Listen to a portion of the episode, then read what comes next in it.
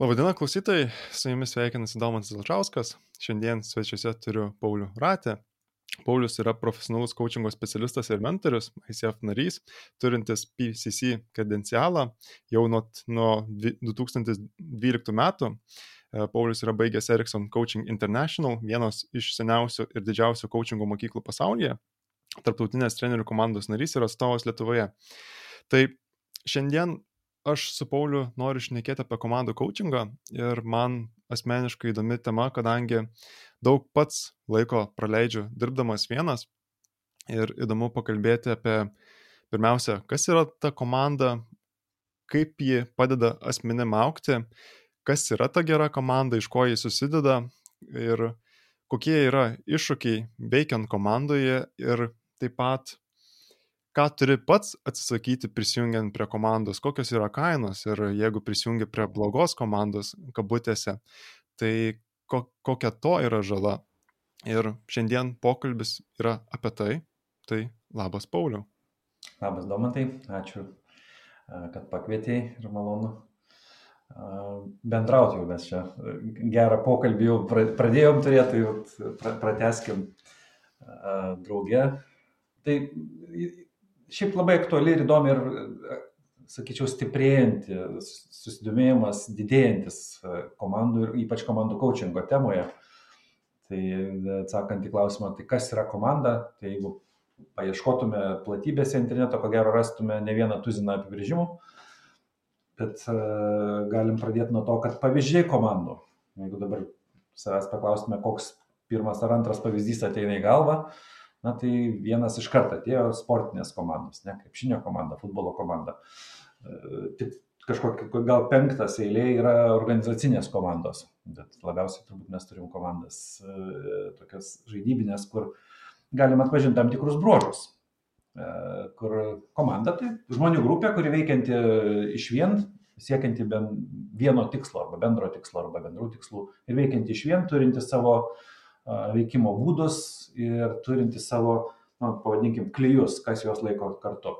Na, mano toks e, liaudiškas būtų pas, pasakymas, pamastymas, kas yra komanda, skirtingai nuo, pavyzdžiui, žmonių grupės, kurie gali būti net ir e, ta, tos, to pačio siekiančios arba tų pačių tikslų siekiančios, bet, pavyzdžiui, žmonių grupė, kuri veikia pavieniui arba ne, ne, nekoordinuotai, tai ko gero sunku būtų pavadinti komanda. Komanda yra grupė žmonių, kurie veikia iš vien ne, ir turi tam priežastį gerą.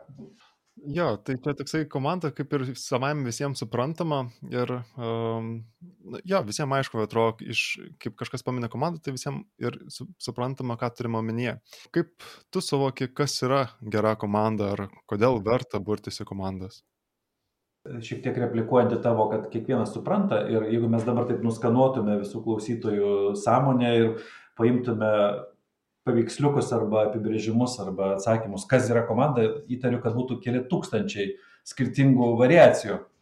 Ne, tai mes taip suprantam, kas yra komanda, bet klausimas, kas yra na, gera komanda arba stipri komanda arba na, terminas na, pakankamai populiarus high performing team, ar ne, aukšto produktyvumo, dabar mm, į, į, į sceną labai stipriai žengia tokie užvadinimai kaip value, value creating team, ar ne, komanda, kuri kurianti vertę. Tai yra tam tikrų na, ypatybių, kurios gali skirti na, komandas pagal jų tipą, pagal jų kokybę, pagal jų įvairius parametrus. Tai jeigu galvot apie komandą tokia stipriaja prasme, ne, kur ypač jeigu turėtume kontekst, mintyje coachingo kontekstą, su kuo dirba coachingo E, instrumentai ir coachingo specialistai, mes kalbam apie stiprias komandas, kurios turi tam tikrų bruožų. Ir e, vienas iš bruožų, aš sakyčiau, stipri komanda turi išvystytas komandinės kompetencijas. Nu, tokias kaip, pavyzdžiui, stipri komanda moka susikalbėti, moka susitart gal čia net ne, ne, ne pirmas įgūdis arba komandinė kompetencija, kurios reikia. Pir, pirmas komandinis įgūdis tai uh, stiprios komandos moka būti kartu. Tiesiog žmonės jie moka tam tikrų būdų būti ir tai yra įgūdis, kurio mes galime išmokti, ar ne? Kur, jeigu paimtume kokį kabutėse turgaus variantą, ar ne, kur gal ir panašu į komandą žmonių būrys kažką tai veikia, tai ten nėra susiklausimo. Ten žmonės gal ir vienoje patalpoje, ir vienoje teritorijoje yra, bet jie toli gražu ne kartu. Tai komanda turi gebėjimą, kuris iš tiesų yra labiau įgūdis negu, negu, kažkas tai įgimto ar, ar, ar iš dangaus nukritusio. Tai yra gebėjimas na, ypatingu arba specialiu būdu būti kartu. Yra visa eilė kitų įgūdžių. Pavyzdžiui, įgūdis kalbėtis, į kurio vidų įeina įgūdis klausytis, įgūdis išsisakyti tinkamu būdu. Paskui jau mano minėtas įgūdis arba gebėjimas susitart. Tai atskiras komandinis gebėjimas, kuris gali būti išvystytas. Ir galim keliauti toliau. Tada yra įgūdis veikti kaip vienetui tam tikram ar ne, ne tik tai kolektyviai veikti, bet kryptingai kolektyviai veikti. Tai yra labai stiprus, svarbus, ko gero vienas iš pačių svarbiausių komandinių įgūdžių, nes tik tai šito įgūdžio dėka sukūriamas rezultatas.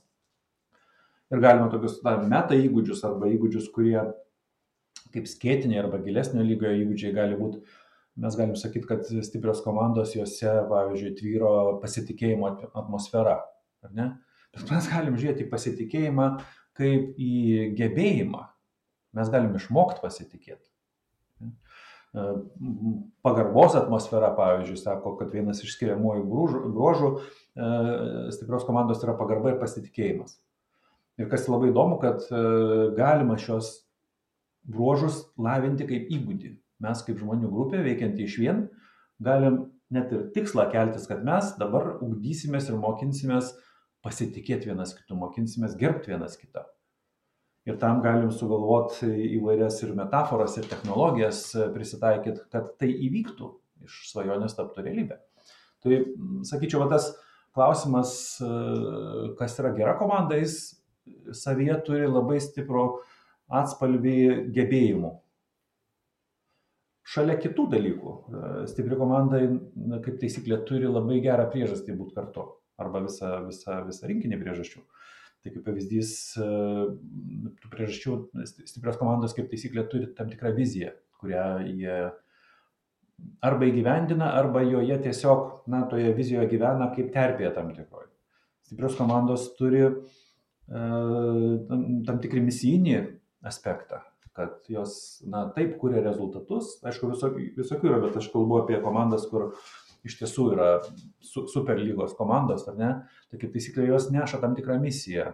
Na, bent jau lokaliai bendruomenė, o platesnė prasme gali nešti e, tam tikrą misiją iš žmonijos mastelių. Apibendrinant tą, tą, tą, ką sakau, tai stipri komanda yra na, vis, visa eilė atributų, ar ne, kurie yra kompetenciniai atributai, yra vertybiniai atributai, yra netgi savivokos tam tikri atributai, kurie E, labai išryškina tą aspektą, kad tai yra ne aš, aš, tu, tu, tu, bet tai yra mes. Ir komandoje mes yra, kaip, sakyčiau, atskiras papildomas asmo. Ir, ir savivoka toks, kiekvienas žmogus persisunkia tą savivoką. Ir e, stiprioje komandoje neužgoždama, labai įdomu, kad stiprioje geroje komandoje tas mes neužgožia aš, bet tarsi suklyjuoja, tarsi pastiprina kiekvieną aš ir dar apjungia į tokį kolektyvinį mes. Toks būtų pamastymas apie stipres komandas. Minėjai, man čia labiausiai uh, smalsu pasidarė dėl gebėjimo būti kartu kaip komanda. Ar gali šiek tiek plačiau paaiškinti, ką reiškia, na, kaip gebėjimas būti kartu ir išbūti kartu? Nu, įsivaizduokim kokią nors dieną, visi esam kokie nors terpiai darbiniai. Ne? Net jeigu vienas namuose esu, tai vis tiek aš kontaktuoju su žmonėmis per ekraną, jeigu dirbu organizacijoje, mes susirinkam ir susibūrėm ir, pavyzdžiui, vyksta komand, nu, darbinis pokalbis, sakykime, grupinis pavadinsiu, nebūtinai jisai komandinis visada yra. Susirinkimas arba pasitarimas vyksta, ar ne? Ir dabar galbūt galite tokių vaizdelių e, prisiminti arba bent jau įsivaizduoti, kai susirinko aštuoni žmonės ir e, tarsi kalbasi apie kažko, kažkokią temą, bet e, štai nei iš jo, nei iš to vienas paima iš visi kitą pusę pradeda kalbėti arba kaip tik prieštarauti, nesuprantam dėl ko, kaip pavyzdys. Ir jeigu mes turėtume gerą rentgeno ar ten e, magnetinio rezonanso aparatą ir galėtume dar patobulinti, kur mintis skaito, Tai mes pastebėtume, jeigu nuskanuotume žmonių, kas galvose dedasi, mes pastebėtume, kad iš tų aštuonių tik tai keturi iš tikrųjų dalyvauja susirinkime. Dar du, jie pakeliui į vaikų darželį, nes reikės vaikus pasimti už pusvalandžio. Dar vienas, jisai kažkur tai nukeliavęs e, pas ten mamą, tetą ar dėdę, kurios reikia aplankyti ligoniai. Dar kažkas e, buvusiam susirinkime dar pasilikęs tik tai kūnas atėjo. Tai praktiškai, reiškia, tai nėra kokybiškas buvimas kartu. Ir kai aš sakau, kad e, gebėjimas būti kartu, tai reiškia žmonės moka ateiti visas asmo moka ateiti ir, sakykime, pasirinkti savo buvimo būdą. Kaip pavyzdžiui, jeigu mes turim dalykinį susitikimą, tai gali būti labai gera idėja prieš užeinant į kambarį arba prieš prisijungiant e, nuotoliniu būdu, staptelt ir truputėlį pakvepuoti ir savęs paklausti ir, ir gauti atsakymą, tai, aha, tai į kur aš čia einu, kas ten bus per žmonės, koks ten bus klausimas, koks mano nusiteikimas būtų tinkam, tinkamiausias? Ne, koks mano mindsetas, mano uh, buvimo kokybė kokia būtų tinkama. Ir tai yra įgūdis, kurį galima išlavinti. Ir, ir tada, ir paskui, aišku, e, pokalbio metu irgi būtų gerai, kad tam tikras na, būdėjimo režimas vyktų, kur aš stebiu savo būseną ir ją koreguoju, jeigu pajaučiau, kad mane nunešė kažkokios tai mintis, išnešė iš šito susirinkimo kažkur kitur. Nu, į tą patį darželį, į kelionę, į, išnešė į buvusį susirinkimą. Taip įvyks, viskas tvarko, bet labai svarbus įgūdis pagauti save ir susigražinti. Ne? Tai aš vadinu kaip vat, kai kurie elementai e, gebėjimo būti kartu. Sąmoningas buvimas kartu. Kad mes e, suprasdami, kad čia mes norim prasmingai leisti laiką, reiškia mano būsena, mano nusiteikimas turi būti irgi atitinkamas, kad tas prasmingumas turėtų, na, tokį, ne tai kad pagrindą, bet būtų išpildytas, ar ne, kad ta prasmė turėtų šansą būti gyvendinta.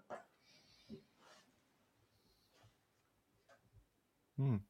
Nes tuomet toksai nesąmoningas buvimas tai ir gautųsi, kad jau visai net ne komanda, o tiesiog kaip ir kaip turgus, atskiri žmonės stovintis ar tai būnantis su savo reikalais ir, na, jokios tokios sąveikos nėra.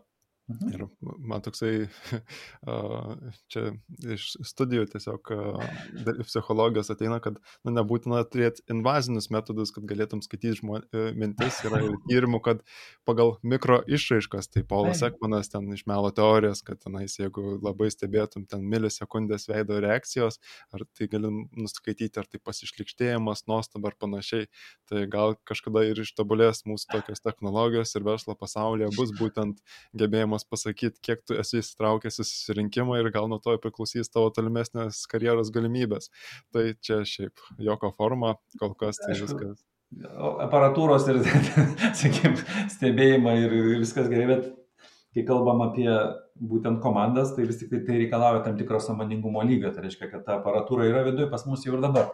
Mes galim pastebėti savo, mums nereikia skanuoti savęs, kad savo mintis pastebėtume, užtenka atkreipti dėmesį, nes šiaip tai autopiloto važiuoja mintis ir mes galim daugybės jų nepastebėti, tik tai, pavyzdžiui, pajausti emocinį suirzimą arba ten kaip tik teigiamą kokią emociją, pavyzdžiui, įkvėp, įkvėptą būseną arba pykčio būseną, bet tai yra mm, vienoje sąsajoje su tam tikromis mintimis, kurias mes, mm, jeigu paskirsim tam, nu, sakykime, tam tikrą pastangą, mes galim jas atpažinti. Ir tada jau galim su tuo kažką daryti. Tada galim mes perjungti mintis į tas, kurios yra naudingos tam susitikimui. Čia apie samoningumą tikrai labai daug dar galim kalbėti, nes ir jeigu, na, sakykime, turėjai uh, intensyvų važiavimą iš darželio vos spėjai susitikimą, tai net sąmoningai net nesuvokiant, kad tavo įtampa persikelia mm į šiandienos susitikimą ir tu tiesiog tą įtampą, ar tai nerimą, ar tai pyktį susijęji su verslo pasiūlymu, ar tai dar kažkokiais klausimais, kurie skamba tam susitikime, tai tuomet to nesuvoks ir tavo visai įsitraukimas kitoks ir sprendimai bus ir kokybė. Tai čia apie samoningumą tikrai galim daug kalbėti, bet man įdomu, kai tu kalbė apie patį e, komandos, sakykime, organizaciniam kontekste, koks yra tasai e, skaičius, ar, ar kaip jis skiria, kiek yra komandų organizacijų, ar tai pagal skaičių sąveikas, ar tai yra viena didelė komanda? Kaip, kaip tu suvoki komandas organizaciniam kontekste? Gal tiksliausia būtų pasakyti, kad organizacija yra komandų komanda kur kai kurie elementai tos komandų komandos yra net ir ne komandos. Ne? Bet taip, toks bendrasis, jeigu vienu sakiniu reikėtų pasakyti, kaip, kaip, kaip siečiau organizaciją ir komandą, tai nėra viena komanda, beveik niekada, net jeigu penki žmonės organizacijų, tai vis tiek dažniausiai bus daugiau negu viena komanda. Ne, nes ten komandos na, tokią priežastį arba prasme apsprendžia uždaviniai, kuriuos sprendžia. Ir pavyzdžiui, net ir 5-6 žmonių kolektyve gali egzistuoti nuolatinės komandos, gali, būti, gali egzistuoti laikinos komandos, projektinės komandos ir taip toliau. Tai reiškia, tai yra tam tikras e, na, gyvenimas, vyksta gyvybė, kur, kur organizacijoje mes turėsim visada kintančias sąveikas. Ir ten įvairiausi, įvairiausi motyvai sukurti. Na, kolektyvus pavadinkim, nes ne visi kolektyvai yra komandos ir ne visiems kolektyvam reikia būti komandomis. Dažnai mes girdim, kad, pavyzdžiui, na, mūsų organizacijoje yra vadovų komanda. Nu, mano pastebėjimais labai retai yra vadovų komanda. Yra vadovų grupė dažniausiai, kur kiekvienas vadovas turi savo užduotį, jas vykdo, susirenka pasitart, bet iš esmės jie E, nebūtinai jaučiasi komanda, kai išsiskirsto iš susirinkimo. Ne? Kai kurios organizacijos iš tikrųjų yra vadovai, yra komanda ir tai yra laimė organizacijai. Jeigu taip yra, tai organizacija yra laiminga ir jos pajėgumas turbūt eksponentiškai auga, jeigu vadovai yra komanda de facto, ne, kurie nekonkuruoja, kaip tik remia vienas kitą, kurie reiškia, sąveiką, tokią pozityvę, stiprinančią sąveiką išmoksta vystyti, ne, kurių padaliniai e, vienas kitą pastiprina, o ne kaip tik pasilpnina, ten, sakykime, blokuodami kažką arba konkuruodami.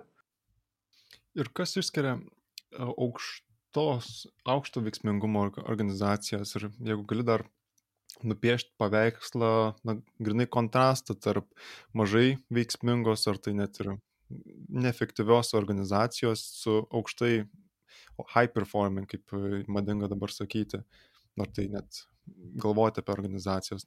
Nu, paimkime, aš čia pavadinimų nesakysiu, bet galim apsidaryti savo aplinkos ir pamatyti, pavyzdžiui, pradėkime nuo to žemo efektyvumo arba kaip tik kartais tai išsigimsta net ir į disfunkcijas tam tikras. Ar ne? Įsivaizduokim e, kolektyvą, kur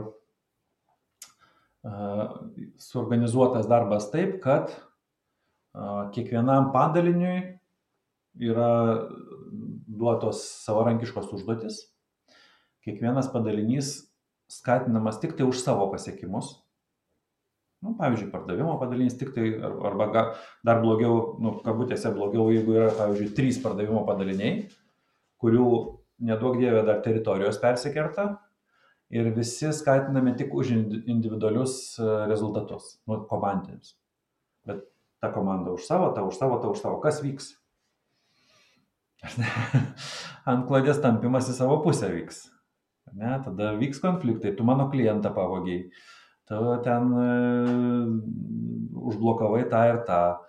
Ar ne, jūsų žmonės tokie blogi niekšai, reiškia, pagalius kaišioja mums ratus, jie nesidalinsim informacija greičiausiai, nesidalinsim savo metodais. Ko gero turėsim savo paslapčių ir mes paslaptingai ten kažkaip žinom geresnį būdą, o jūs atgalvokit patys. Ha, ha, ha. Ne, nu, va, taip. Čia jau tokios laukinės grupės susiformuoja, kad mes ir Bet jie. Tokie, va, čia va, gangsterių grupuotės turbūt atitinka tokį dalyką, nors gangsteriai ir tie net susitarė kažkur filmuose rodo, kad susirenka galvos šeimų ir vis tiek kažką susitarė, ne, bent jau teritorijas pasidalina, bet kai nepasidalina, eina šaudytis. tai mes tokiu, nu, tik tai be kraujo praleimo, tai turim pilną pavyzdžių. Tikrai toli ieškoti nereikia, apsidairykit savo organizacijoje, apsidairykit kaiminėse organizacijoje, garantuoju, kad rasit požymių tokios veiklos. Ir galim paimti priešingybę, kur iš tiesų fenomenas nėra toks jau ir dažnas, kad būtų, pavyzdžiui, vieningumas organizacijos lygmenį.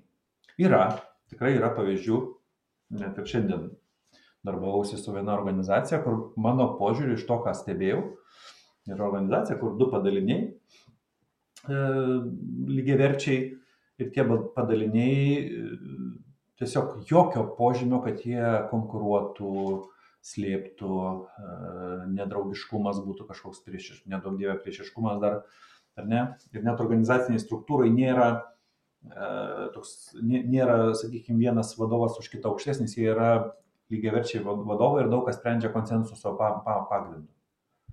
Aš sakyčiau, labai gražus pavyzdys komandiškumo, kur tikrai yra sąveika, labai gražiai išreikšta sąveika.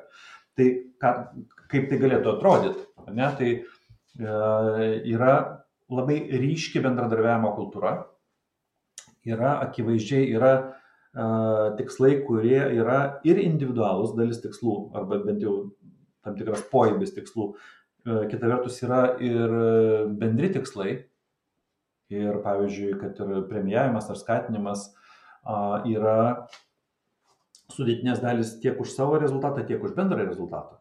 Kad pavyzdžiui, kai kurios užduotis būtų tokios duotos abiems komandoms, kur viena be kitos išsiversti negali iš principo. Ne? Tai mes galėtume net ir tikslų kelimo būdu skatinti komandiškumą. Aš abejoju, nu, netikrinau, ar šito organizacijoje taip yra, bet e, pilnai įsivaizduoju, kad gali tai būti, kad kai kurie tikslai neįmanoma jų padaryti pavieniui. Keletą organizacijų dabar omeny turiu, tai labai gražiai matosi, kur tikra komandinė arba arti tikros komandinės sąjokos, kur yra, tai labai geram rezonancija yra vertybiškai žmonės. Jiem tie patys dalykai svarbus.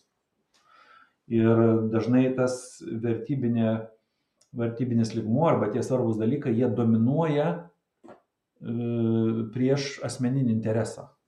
Jeigu reikia pasirinkti, čia dabar, laik, kaip pasakyti, būti ver, vertybiniam laukia, ar pa, pažįst kokią vertybę ir tokiu būdu pagerinti savo rezultatą, dažnai, e, dažniausiai pasirinks vertybės puoselėt netgi savo rezultato sąskaitą. Tai va čia, sakyčiau, yra geri tokie pavyzdžiai, kad kaip galėtų atrodyti arba kaip atrodo tos e, tie kolektyvai, kur komandiškumas stipriai išreikštas. Ir mes turim visus šansus, kad tai bus aukšto produktivumo veikla. Gerai, tai kažkaip bandysiu susisteminti tai, ką išgirdau, nupiešti du paveikslėlius, kur tarp gangsterių komandos ir disfunkcinės komandos, jeigu taip išeis. Gerai, pradėkime nuo gangsterių, nuo aukštos, aukšto veiksmingumo komandos. Tai aš ką išgirdau, kad na, pats pirmiausiai bendri tikslai, vizija, kurią organizacija siekia, tai čia gali ir disfunkcinė komanda turėti ir aukšto veiksmingumo, bet eina tuo tikslu pagal pačias vertybės ir bendradarbiavimo kultūrą. Man atrodo, čia išgirdau patį esminį, esminį punktą, kad uh, vadovaujantis vertybėmis žiūrint į ilgalaikį rezultatą ir uh, nėra tokio kaip ir savanaudiško intereso pasiekti tikslų per kitų. Net jeigu yra savanaudiškas, bet dominuoja vertybinis interesas. Jo, kad net e, svarbiau nes e, individualus tasai poveikis ar rezultatas, bet labiau kokį bendruomeniai sukels, ne tai kad bendruomeniai, bet uh, pačiam kolektyvui, organizaciniam lygiai, kad na, tavo darbas neturėtų atimti kažko iš kito, kad nebūtų ten nulinės sumos žaidimas, kad aš pasiemu mhm. kažką kaip iš pardavimų skyrius kito padalinio ir, ir jie ten praranda, bet kad bendrai kuriama vertė kultūriškai bendradarbiaujant kartu su kitais. Mhm. Ir kaip ir minėjai, kad turėtų tokius sinerginius tikslus, kad be vienas kito na, neišsiverstum, nepasiektum mhm. tai, ko tu nori pasiekti. Ir aiškiai kontra, lyginant su kontrastu, tai to nėra. Tokia gruboniška kultūra, kur kiekvienas žmogus už save ir, ir man kažkaip susidaro iškart įvaizdis, kad, tiksliau, vaizdas susidaro, kad e, yra baudžiama už rezultatų nepasiekimą ir kažkaip... Ir, ir mes turim tų pavyzdžių. Vis dar yra.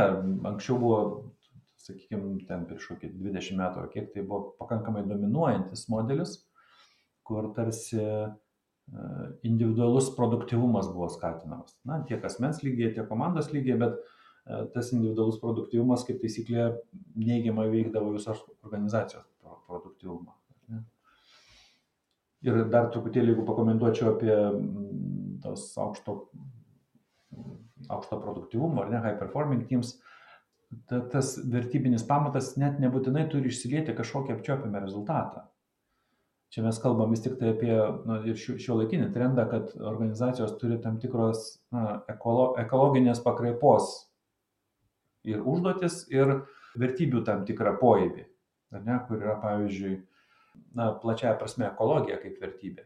Ne, ir tai dažnu atveju tai kainuoja organizacijai, blogina e, finansinį rezultatą. Bet organizacijos vis tiek turi tokį, e, na, sakyčiau, dabar jau yra būtinybė, nes jeigu neturės organizacijos tokių tikslų, tai žmonija neilgai gyvens. Nes santykinai istorija gali baigtis greičiau negu norėtume. Net jeigu kainuoja, net jeigu blogina finansinį rezultatą, nes tai kainuoja tos technologijos, kainuoja, tai yra investicija, tai yra tam tikros išlaidos, kurių galėtų nebūti, jeigu išverš šiukšlyną saliginai į vandenyną, ar ne? Analogiškai mes galėtume ne tik tai ekologinės vertybės turėti ir kitas, iški vertybės, jos gali netgi turėti tarsi priešingą finansinį rezultatą, ne, ne, ne, lyginant su to, ko siekia organizacija, bet vertybės yra pačios savaime tokios svarbios, kad jas žmonės puoselėja net ir savo na, tam tikro uždarbio arba pelno arba finansinio rezultato sąskaitą. Čia ir motivacijos smarkiai paveikia, nes čia jau matai, dėl ko tu darai, ne vien tik dėl akcininkų pelno, kad, na, čia maksimizuoti pelną, bet kad ir tu darai poveikį ir visuomenė ekologijai ir, na, neprisidedi prie klimato kitos tiek smarkiai ir neišverti visas šiukšlės, na, pas savo kaimyną į kiemą. Tai aš galvoju, čia labai atrodo paprastai išnekam, kad yra tokia dichotomija - prastos komandos ir e, geros komandos, bet tikrai taip. Na, visas tarpas yra.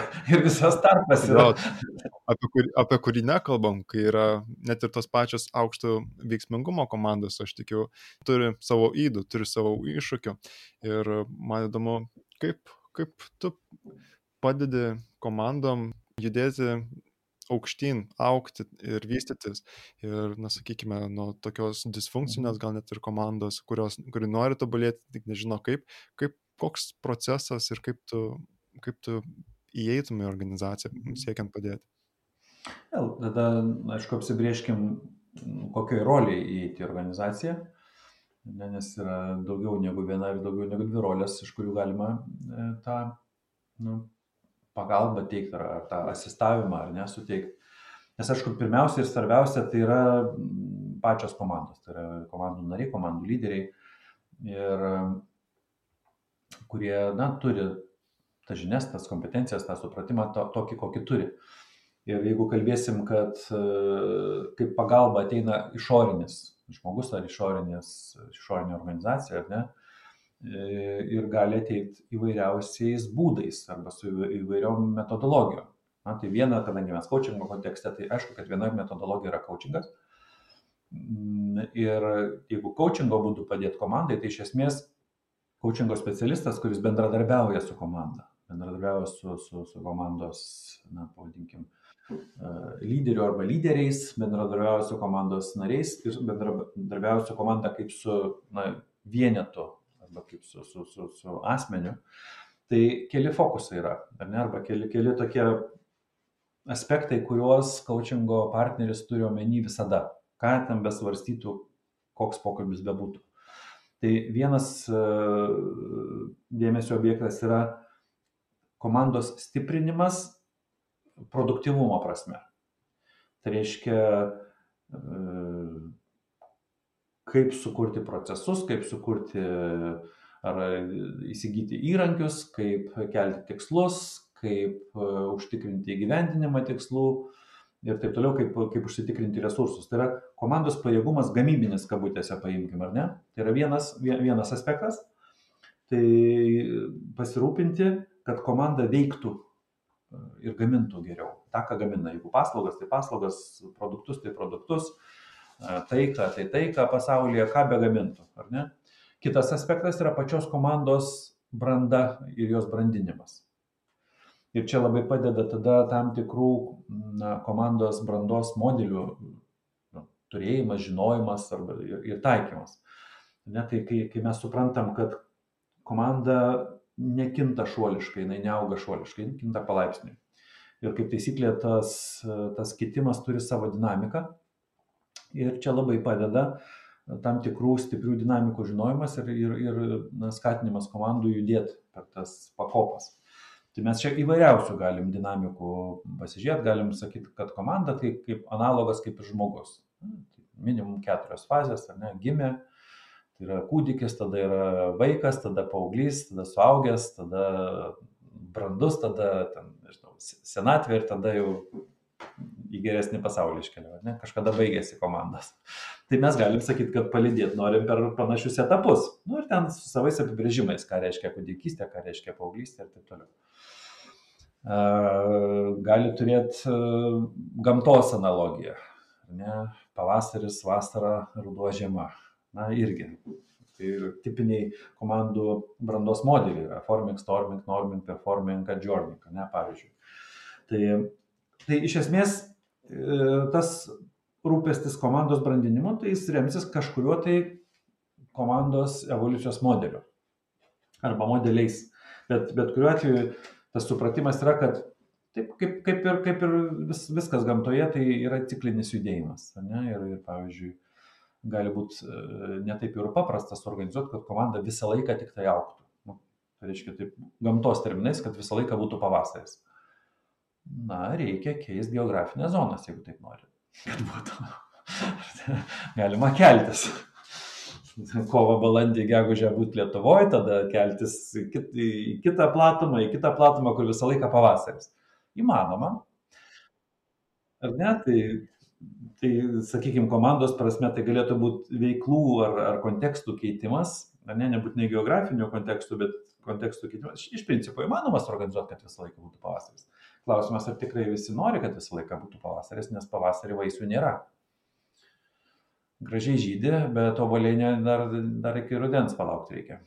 Tai, tai dažniausiai mes norim, kad būtų tam tikri ciklai, kurie evoliucionuoja ir e, praeina visas fazes, kad subrandintų vaisius.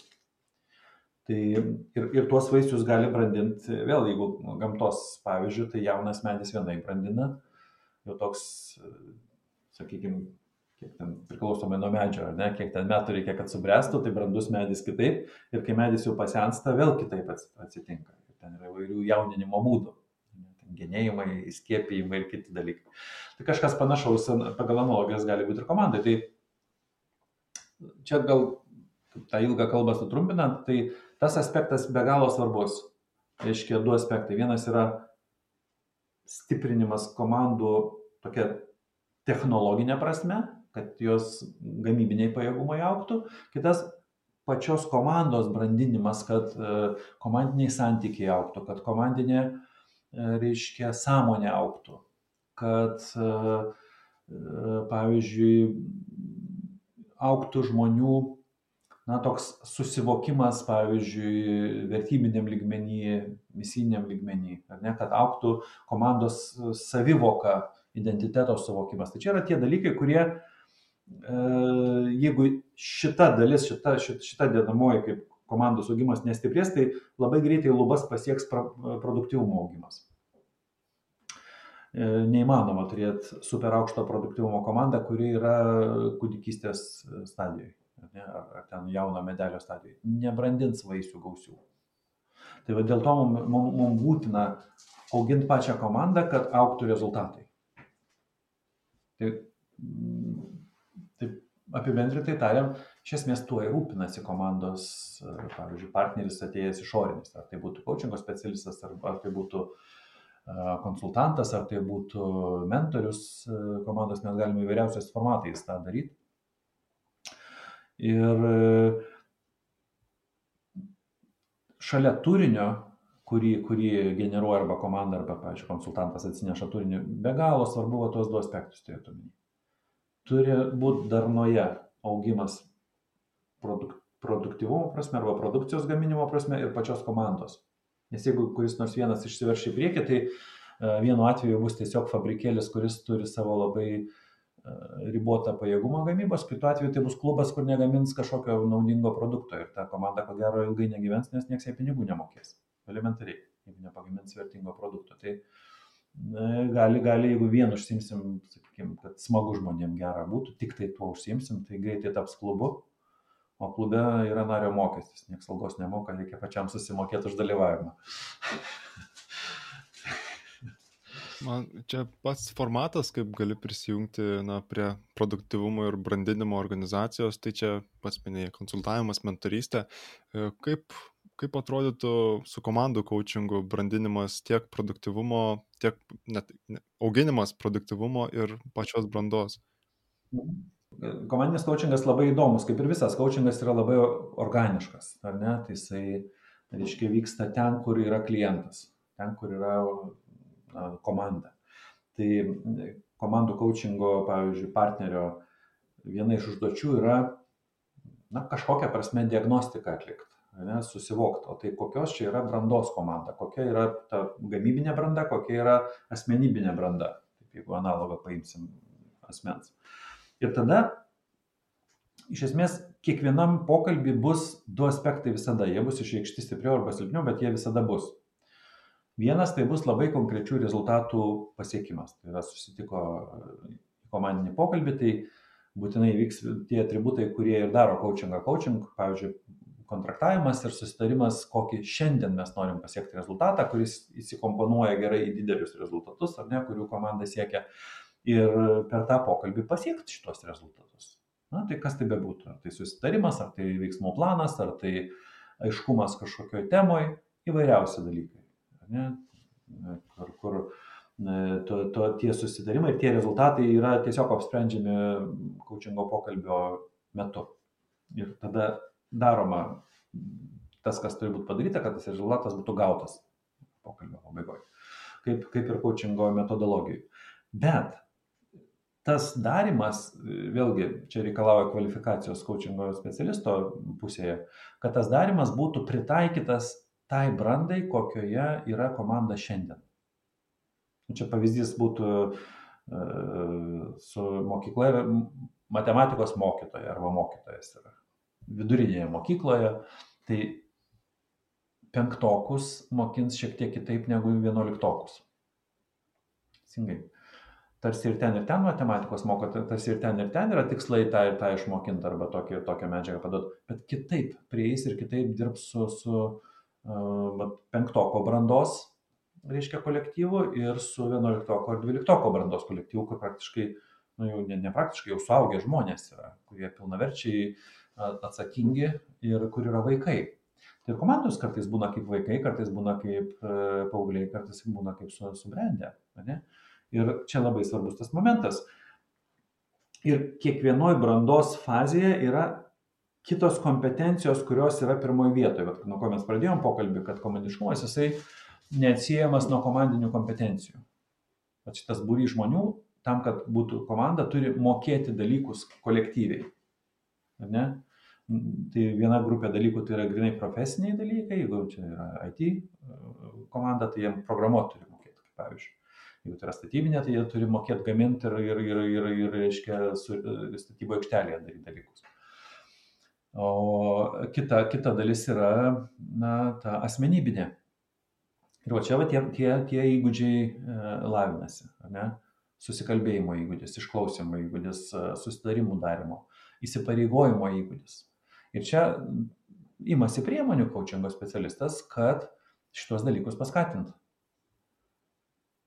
Bus akcentas, vėlgi, vis, jeigu paimtume kokį nors, kaip saliginai, dešimt dalykų yra svarbus, visi jau visada dalyvaus pokalbėje, na, vat, ir buvimo kartu kompetencija ir kalbėjimas, ir išsiklausimo, ir tarimuose, ir susitarimo, ir uh, veiksmų pasiskirstimo, atsakomybių pasidalimo, visi dalykai dalyvaus visada. Bet, pavyzdžiui, didesnis akcentas su jauna komanda dirbant gali būti į buvimo kartu uh, lavinimą ir skatinimą. Ten gali įvairiausių na, instrumentų ar, ar, ar metodikų pritaikyti. Pavyzdžiui, žmonės nemoka būti kartu, tai gal padarys kokią, na, ar, ar brainstormą, ar pratybą, tai saliginai su tema, tai kokie nusiteikimai mūsų šitam susitikimui yra naudingiausi. Ir tai gali užimti dalį laiko, kaip tokio metodinio, ne tai, kad čia mokymas turi būti, bet tiesiog gali būti brainstormas komandinio coachingo būdu, kur žmonėm kuriamas aiškumas, kad buvimas kartu yra jūsų, buvimo kokybė yra jūsų atsakomybė. Ir nuo to, ką jūs darot arba nedarot, priklauso, čia bus kokybiškas pokalbis, mažiau kokybiškas, ar tai čia bus e, susistumdymas. Ne? Ir coachingo partneris jis gali čia sutelkti dėmesį, sakykime, propor, nu, proporcingai didesnį negu į kitus dalykus, nes be šito nevyksta kiti tiesiog. Kai užmoksta būti kartu, tada, ko gero, perstums dėmesį didesnį į kalbėjimosi, susikalbėjimo, išklausimo gebėjimo ugdymą per tiesiog tai nebus mokymas. Nors beje, niekas nesako, kad tik tai coachingas turi būti, gali, gali būti mokymo elementai įtirpti, kaip, pavyzdžiui, atskiri uh, epizodai bendro darbo su, su komanda, kad duot savokas. Bet kažkurį laikotarpį labiau telksis į susikalbėjimą ir kalbėjimosi kompetenciją. Dar praeis keli mėnesiai, jau ten kaip ir sus, sus, sus, susistiguos na, įpročiai ar ne, kalbėjimosi ir įgūdžiai, tada susitarimo, kokybiško susitarimo, reiškia, teritorija perės fokus. Ir reiškia, ir mes, jeigu įsivaizduotume, kad, pavyzdžiui, projektas vyksta metus, pusantrų, du, tai iš esmės per, per va, tokio mastelio laikotarpį labai rimtai galima pasistumėti per komandos kompetencijas, taip kad komandos branda, va, nu nešuoliškai, bet labai stačia kreivė e, gali pradėti aukti viršų dėl to, kad yra sąmoningas ir, sakykime taip, sisteminga parama iš coachingo partnerio pusės, kuris supranta, coachingo partneris supranta e, komandos evoliuciją ir sąmoningai koncentruoja dėmesį į tą aspektą, kuris dabar vertas vystimo. Ar gerai girdžiu, kad naudoji tokius na ir čia priklauso nuo coachingo specialisto brandos ir patirties, kad ja. naudoji tuos įgūdžius, visą patirtį sukauptą nukreipti, ar tai pirmiausia diagnozuoti, labiau suprasti pačią visą ekosistemą, kurioje įmonė mhm. egzistuoja, jos brandą ir tuomet jau nukreipti sąmoningą dėmesį ties tam tikrų dalykų, kuriuos minėjai, ten būti kartu, susitarimo reikalai, na, ta, tai, kas priklauso. Tai čia toksai gaunasi iš patirties ateinantis dalykas, kam kas yra svarbu pačiam coachingo specialistui? Sakyčiau taip, kom, ypač kai kalbame apie komandų coachingo specialistą, tai reikalauja na, brandos visokiojopas, tiek profesinės, tiek asmen, asmeninės. Vardo. Čia, čia mano asmeninė nuomonė tokia, bet e, geriau susitvarkys užduotimi žmogus, kuris turi ir žinių, ir patirties, ir brandos asmeninės. Nes ten įvairių uraganų gali kilti ir reikia išstovėti tame uragane, pavyzdžiui, coachingo specialistų nesusinervuojant. kai vyksta koks nors ten žemės drebėjimas lokalaus e, mastelio, reiškia, tarp komandos narių. Ir vis tik tai išstovėti tenai ir išlaikyti, e, sakykime, erdvę nesugriausią yra reikalaujantis dalykas. Įdomu, kaip e, tai gali nuskabėti klausytojams, nes komandų coachingas galbūt ir naudojamas konsultaciniam ir mokymų kontekste, gal net ir kaip sinonimai. Kaip išskirtum, kad čia tokia interferencija, kur ateina jau išorinis asmo, pamato, kur yra problemos, pasiūlo, ką spręsti, kaip tai yra, kuo tai išsiskiria coachingas, būtent mhm. kaip tu pristatai ir kaip tai gali būti konsultavimas, kaip gali išryškinti skirtumas, kad tai yra mhm. coachingas, kad na, padedi asmenim aukti, ne konsultavimas ar mokymai. Ja. Tai grįžkim prie coachingo apibrėžimo, ar ne? Kas yra coachingas, yra ypatybės kai kurios coachingo ir skirtumai nuo konsultavimo, kaip pavyzdys, ar, ar, ar nuo kitų pagalbos būdų. Tai viena iš ypatybių coachingė, kad vis tik tai atsakymų coachingo specialistas neduoda, atsakymus na, facilituoja mąstymo procesą, pavadinkim taip, arba asistuoja mąstymui taip, kad žmonės patys rastų savo atsakymus. Ja, tai jeigu mes keliausim coachingo režimu, tai ten nebus mokymo, nu, jeigu grinojo coachingo režimu. E, tai bus tiesiog e, komandos pokalbio moderavimas arba facilitavimas tokiu būdu, coachingo būdu, ar ne, kur e, komanda iš esmės pati kelia ir tikslus, keliasi savo užduotis, jas masto, randa sprendimus, jas įgyvendina ir vėl ratu viskas sukasi. Tai iš karto akivaizdu, kad tam tikros komandinės brandos jau reikalauja šitas reikalas. Ne? Tai Iš kitos pusės, e, aš nežinau, koks procentas, bet tikrai toli nuo šimto procentų e, komandiniai va tokie projektai yra grinai vien coachingo būdu daromi momentai. Ir, ir, ir praktika, ir, ir teorija tą sako. Kaip taisyklė, mes kai dirbam su komanda, tai bus projektas, kuris turi daugiau negu vienos rušies elementus. Tai pavyzdžiui, vienas elementas yra coachingas, kitas elementas gali būti mokymo epizodai tam tikri, kur tiesiog jeigu žmonės savokų nežino, galima jas duoti. Ir tai būtų mokymo sesijos tam tikros. Ne? Ir tai nėra coachingas, tai yra kažkas kito. Gali būti konsultacinės intervencijos, jeigu to reikia, nes gali būti kartais neapsimokėt.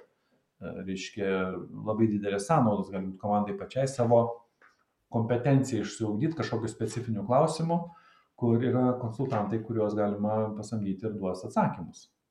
Bet kur negalima nieko pasamdyti, o tikrai coachingo reikia, tai būtent komandos brandinimui. Ypač komandos brandinimui. Ne? Arba jeigu aukštesniam lygiai komanda, aukštesniam brandos lygiai, tai tada, aišku, coachingas ko gero pasirinkimas numeris vienas komandinių procesų tobulinimui, kur jau praktiškai geriausias ekspertas yra pati komanda. Ne, kad sugalvotų, kas tai komandai veikia, kokie procesai, kokie uh, ritualai, kokie, sakykime, instrumentai kalbėjimuose arba planavimo ar dar kokie. Tai kai, kai pakankamas brandos lygis, tai tampa, kad vis mažiau ir mažiau dalykų gali, na, sakykime, pakonsultuoti kažkas iš išorės, nes jau ta kompetencija auga. Bet tas vis tiek neišjungia galimybės specifiniais, na, konkrečiais gilios ekspertizės reikalaujančiais klausimais atsi, nu, atsinešti išorinį protą ir, ir, ir gauti atsakymus, kad nereikėtų, žinai, čia vaizdžiai tariant, aš tokį pavyzdį esu girdėjęs, pasako žmogus, kad ten buvo uh, žmogus, kuris pažin, turėjo gerą draugą Japoną ir tam žmogui susuko nugarą. Nu, žodžiu, prastai ten užpuolė, reiškia, skausmai nugaros, tai tas Japonas, kad padėtų draugui, jisai nuėjo masažo kursus praėjo ir atvažiavo čia pamasažuoti, reiškia. Nu, tai labai brangus būdas padėti. yra ir nebūtinai efektyvus. Vis tiek tas žmogus jis netaps aukščiausio lygio masažo profesionalu, nes jisai gal muzikantas, pavyzdžiui. Bet jisai padarė savo pastangą, reiškia, įgyjo papildomą gretutinę specialybę kažkiek laiko. Tai nelabai efektyvus būdas. Ne? Čia, bet jeigu, kažka, jeigu toks draugas gimtadienį dovana visą tai praeitų, tai čia jau, sakyčiau, gan nebloga dovana, bet neefektyvu. Tikrai. Ja, tai nebūtinai, o kitais kartais gal mes norim, jeigu mums to masažo taip dažnai reikia, kad apsimoka išmokti, gal reikia. Tai taip atsiranda beje vidiniai coachingo partneriai organizacijose. Nebūna vidiniai coachingo specialistai, kurie uh, teikia vidinę paslaugą, pavyzdžiui, coachingo. Kai organizacija, reiškia, turi kaip kultūrą, coachingą savo kultūroje turi. Tai gali atsirasti draugai, kurie įvaldė profesiją viskas tvarkoja.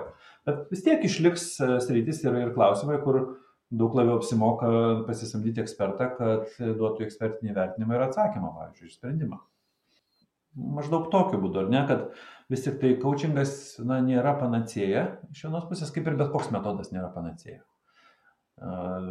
Kaip taisyklė gyvenime mes e, nevalgom vienos rušies maisto, ne? mes valgom įvairia, įvairius produktus, taip, taip yra ir komandos gyvenime vienas metodas, nu, labai mažai tikėtina, kad vienas metodas vis, tiks visiems klausimams išspręsti. Tai reiškia, mes naudojam coachingą, kur, kur tinka coachingas, naudojam konsultavimą, kur konsultavimas, naudojam kokį nors a, gal, gal grupinį mentoringą ar facilitavimą ar, ar team buildingą, ar ne ten, kur šis metodas tinkamiausias. Ir man atrodo, minėjai, kad uh, pats komandų coachingas vienas efektyviausių būdų padedant brandą auginti. Ir man įdomu, su kokiais iššūkiais susiduria komandos bandant auginti savo, savo brandą ar bręsti. Um, gal taip pasakysiu. Ego. Pats didžiausias iššūkis yra ego. Kai aš noriu, reiškia, dominuoti. Nes komandiškumas jis reikalauja tam tikro kuklumo vis tik tai ne, kur mes yra svarbiau negu aš. Nors aš esu svarbus, kiekvienas aš yra svarbus, bet vis tik į pirmą vietą statom mes. Ar ne, ir tik tada aš. Mano supratimu, tai vienas iš pačių didžiausių sunkumų, iššūkių, priešų, ar kaip norim tai pavadinkim, ar ne, gal ne priešas, čia prisijaukinti reikia. Reiškia, yra ego, kai aš labiau rūpinuosi savim negu bendruomenė. Čia su, su sveikatos analogija būtų vėžinė lastelė. Ar ne? Jie nusprendžia, kad yra svarbesnė už visą organizmą ir pradeda aukti. Nu ir ką, tada nužudo organizmą, na, jeigu, ne, jeigu nesuvaldoma. Tai panašiai ir, ir komandose, kur, kur, kur leidžiam įsisiautėt kabutėse ego, tai labai daug šansų, kad komandiškumas pabirės kaip, kaip korto namelis. Plus, aišku, yra vis, visa virtinė, gali būti ir kitų dalykų, na, nu, elementariai, ne, tai, tai galbūt nėra kliūtis, bet iššūkis, tai mm, komandiškumo ūkdymas E, nu, tam tikrose konfiguracijose. Nu, kaip pavyzdys yra, e, jeigu žmonės, kaip mes pandemijos laikotarpį turėjom, kad e, per nuotolį dirba, ne, visi iš namų, fiziškai nesusitinka. Tai yra iššūkis komandiškumą ugdyti. Įmanoma, bet iššūkis. Ne? Kaip, nes mes žmonės esame bendruomeniniai sutvėrimai ir, ne, ir mums būdinga būti kartu ir tai yra terpė, kurioje mes būnam ir nu, ten gerai jaučiamės. O dabar mes porą metų sėdėjom visi kiekvienas savo namuose, pavyzdžiui. Ne? Tai natūralu, kad e, organizacijos ir komandos turėjo didžiulį iššūkį, kaip vis tik tai nepamest komandinės dvasios. Ne? Ir tam reikia tada specialų dėmesį skirti ir specialias priemonės taikyti, kad tas komandiškumas, nu bent jau būtų palaikytas. Žmonių ryšys, kad būtų palaikytas. Emoci, ypatingai emocinis ryšys nes čia didžiulė rizika, kad išsitrins arba sutraukinės emociniai ryšiai, o komanda turi turėti emocinį ryšį e, tinkamą. Ne žmogiškai santykiai, emocinį ryšį turi turėti tinkamą, ne, ne tik tai orientacija užduotis. Jeigu turės tik tai orientacija užduotis, visi šansai, kad komandiškumas pradės birėti. Pavirs geriausiu atveju darbo grupę. Kas nėra blogai, daugeliu užduočių puikiausiai užtenka darbo grupės, beje, ne, ne visada reikia komandos bet čia iššūkis. Kitas, žinai, koks dar iššūkis, sakyčiau, pakankamai realus ir, ir, ir tikrai neretas, tai komandos lyderis gali būti iššūkis komandai. Jeigu, ypač jeigu lyderio branda atsilieka nuo komandos brandos. Ne, nes kartu su komanda turi evoliucionuoti lyderis arba lyderystė komandoje. Dabar mes galim kalbėti ne tik tai, kad yra lyderis kaip asmo, bet lyderystė kaip funkcija komandoje, kur gali būti paskirstyta lyderystė, bet tas lyderis arba lyderystė turi atitikti komandos brandą. Jeigu komanda, pavyzdžiui, labai stipriai brandi, o lyderis yra pradiniam suvokime, bus reikalų. Bus reikalų, nes tiesiog čia vadybos teritorijoje tai grėsia micromanagement, ne, šito reiškiniu. Nes irgi, jeigu mes galim pažiūrėti e, ne vieną ir ne du modelius, bet kaip pavyzdys, kad komandos lyderis kartu su komanda augdamas, iš pradžių gal yra komandos vadovas, tada komandos gal treneris, tada komandos e, lyderis, o pačiam viršui galbūt komandos įkvėpėjas, kaip pavyzdys. Ne? Lyderio identitetas turi aukti kartu su komandos uh, augimu. Tai komandos lyderis irgi sėkmingai gali būti iššūkis pačiai komandai. Nekalbu apie atskirus asmenis, kur gali būti tiesiog, reiškia, nu, kaip sako, neįs, neįsipiešia į komandą arba ne, ne, nepritampa. Arba kur, kur vis tik tai žmogus, kur dominuoja nu, labai stipriai išreikšta individualistiškumas, kaip pavyzdys. Ir gali tai būti. Nu, kodėl? Žvaigždės. Būna žvaigždės, kur neįsipaišo į komandą. Čia sportė galim pamatyti, ne? kur gali būti nu, kaip krepšinio pavyzdžiui visų žvaigždžių komanda, kuri kiekvienas atskirai paimtas yra tikrai fantastiškai stiprus ir žvaigždė, bet kaip komanda jie žaidžia silpniau už vidutiniokus, kabutėse imkim, pagal juos lietuvaičius, kurie kaip komanda žaidžia, kaip pavyzdys, ne? Kur turėjom čia pavyzdžių ir olimpiadas ir kitur, kur lietuviai prieš, prieš Dream Teamą visai pasipriešino taip, kaip niekas negalėjo įsivaizduoti, nes senais laikais čia kol dar buvo. Tai yra, yra tų dalykų, bet sakyčiau, žmonės, pirmoji, pirmoji ir paskutinė vietoje visada yra žmonės. Kaip patys savo kliūtis, patys savo iššūkiai. Man atrodo visur taip. Ir tuomet man toksai kaip ir noras, noriu nukrypti jau labiau į patį individualų kontekstą, kai jau kalbam apie ką žmogus praranda, ne, ne, nebūnant komandoje ir tai jau kaip ir peržiūrėjau statistiką, man atrodo, jau smarkiai plėtojasi freelanceriai. Tai, man atrodo, mhm. statistiką žiūrėjau iš Amerikos, tenais 10 milijonų freelancerių atsirado per paskutinius 10 metų. 10 metų. Tai mhm. ypač nuotolinis darbas, uh, pačios ekonomikos sąlygos, na, su, mhm. suteikia, na ir technologijos suteikia galimybės dirbti vis labiau nuotoliu ar tai atskirai. Ir man tiesiog tokie pamastymai, gal yra, ką žmogus praranda būnant komandai, tai aš kažkaip kaip galvoju, tai tos tokias kaip ir funkcijas, ką komanda gali atlikti, na tai aišku, visai didesni darbai, kurių pats mhm. individas negalėtų atlikti, bet jeigu esi, na aišku, priklauso, koks, kokį tu darbą nori atlikti, ar tai esi programuotojas, ar tai rašytojas, ar tai, nežinau, mokslininkas galbūt, kuris tyrinėja, nu bet irgi mokslininkas gal prastas, pavyzdys, nes irgi reikia institucijos, tyrimų pamažiai, bet pavyzdžiui, rašytojas ar programuotojas, kur tikrai mano suvokimu, kad gali didžiąją dalį savo darbo pasidaryti vienas ir nereikalinga komanda, tai tą tokį kaip ir socialinį poreikis, palaikymą gali gauti iš išorinių partnerių, nebūtinai reikia priklausyti mhm. tam tikroji bendruomeniai, kur, na, pastoji nuo, nuo 9 iki 5 ir sėdi ofise kartu, bet, na, turi ar tai savaitinius susitikimus, ar tai savo kočių, mentorių, ar tik, mhm. uh, nežinau, publicistų, ar dar ką rašytojai daro. Ir aš galvoju, kad didžiąją dalį gali patenkinti tos tokius poreikius, ką komanda, ką komanda galėtų padėti pačiam mhm. asmens augimui.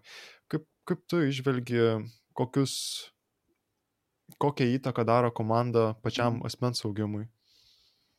Čia aš tarsi du klausimus išskirčiau. Vienas tai, mm, na, išplėsiu komandą į bendruomenę, ar ne?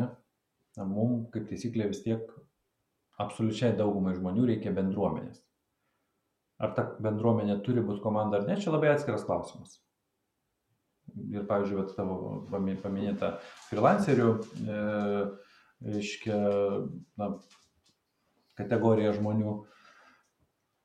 Aš nesu tikras, kad jiem reikia komandų. Ne? Nes pasirinko freelancerio na, gyvenimo būdą, kuris, na, tarsi suponuoja, kad čia labiau individualus darbas negu, negu, negu komandinis nors gali būti freelancerių komandos ir niekas e, nedraudžia jų turėti. Tai iš principo čia reiktų klausti savęs, ar tikrai man reikia komandos, jeigu reikia, tai kam. Tai tas klausimas gali būti labai rimtas. Kad reikia bendruomenės, tai beveik garantuotai. Ar ne, kur, kur reiškia, bendruomenė turi bendrų bruožų su komanda. Nu, tai yra žmonės, kurie, e, kuriuos vienyje kažkoks interesas komandą vienyje ne tik interesas, komandą vienyje tikslai ir vertybės. Bet, pavyzdžiui, bendruomenė gali vienyti tam tikras interesas. Nu, kaip, kad, kad ir Lietuvoje turim coachingo bendruomenę, ar ne? E, turim profesionalų bendruomenės, turim interesų grupės įvairias. Tai gali būti, kad daugeliu atveju užtenka bendruomenės. Tam, kad tą, pavyzdžiui, e, bendravimo alkį patenkinti, tam, kad tam tikrą tobulėjimo e, poreikį patenkinti, gali, gali pilnai užtekt bendruomenės. Kita vertus, jeigu pažiūrėtume dalyvavimas komandoje, ką duoda ir ką atima, priboja, nu, arba kokio pribojimų reikalauja, ar ne, tai komandoje vis tik tai mes turim tamprę aktyvę sąveiką. Vis tik tai aktyvumo laipsnis yra daug didesnis negu atskirai paimtoj bendruomeniai.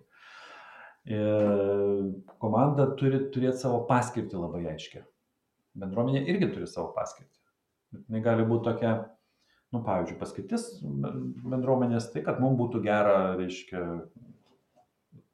draugė. Nu, ir paskirtis, klubinė tokia paskirtis. Ne? Pavyzdžiui, mes, nu, ši, ši, šito saviorganizacijos vieneto paskirtis, kad kai mes susirinkam, mums būtų gera. Taškas.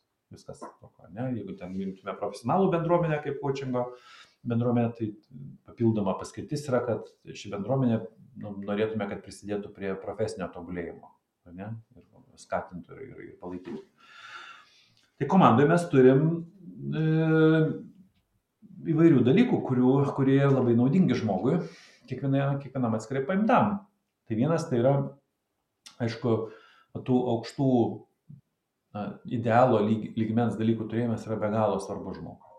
Žmogus yra na, prasme išgyvenanti būtybė. Tai komandoje kaip taisyklė tas prasminis sluoksnis yra, nes komanda siekia kažko didesnio negu, negu vieno žmogaus tikslai.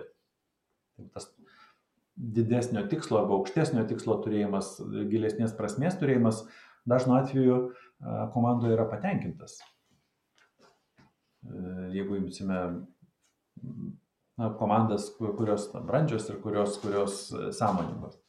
Ne? Tai reiškia, žmogus na, jau, jau pats išgyvena prasme, prisijungdamas prie na, kolektyvo, kuris turi, turi didesnį tikslą. Tai mums yra, jau yra vidinė patirtis, kuri be galo svarbi as, asmeniui, bet kuriam paimtam asmeniui. Mes, mes norim mums atrodo, jeigu neturim aukštesnio tikslo, tai labai greitai nu, iš, išblunka gyvenimo spalvos. Ne, ir tada tampa rutina ir, ir, ir praktiškai tuo rutinai tik tai gaunasi vegetavimas, toks egzistavimas. Tai vienas dalykas. Kitas dalykas, komandoje kaip taisyklė yra savitarpio pagalba išreikšta.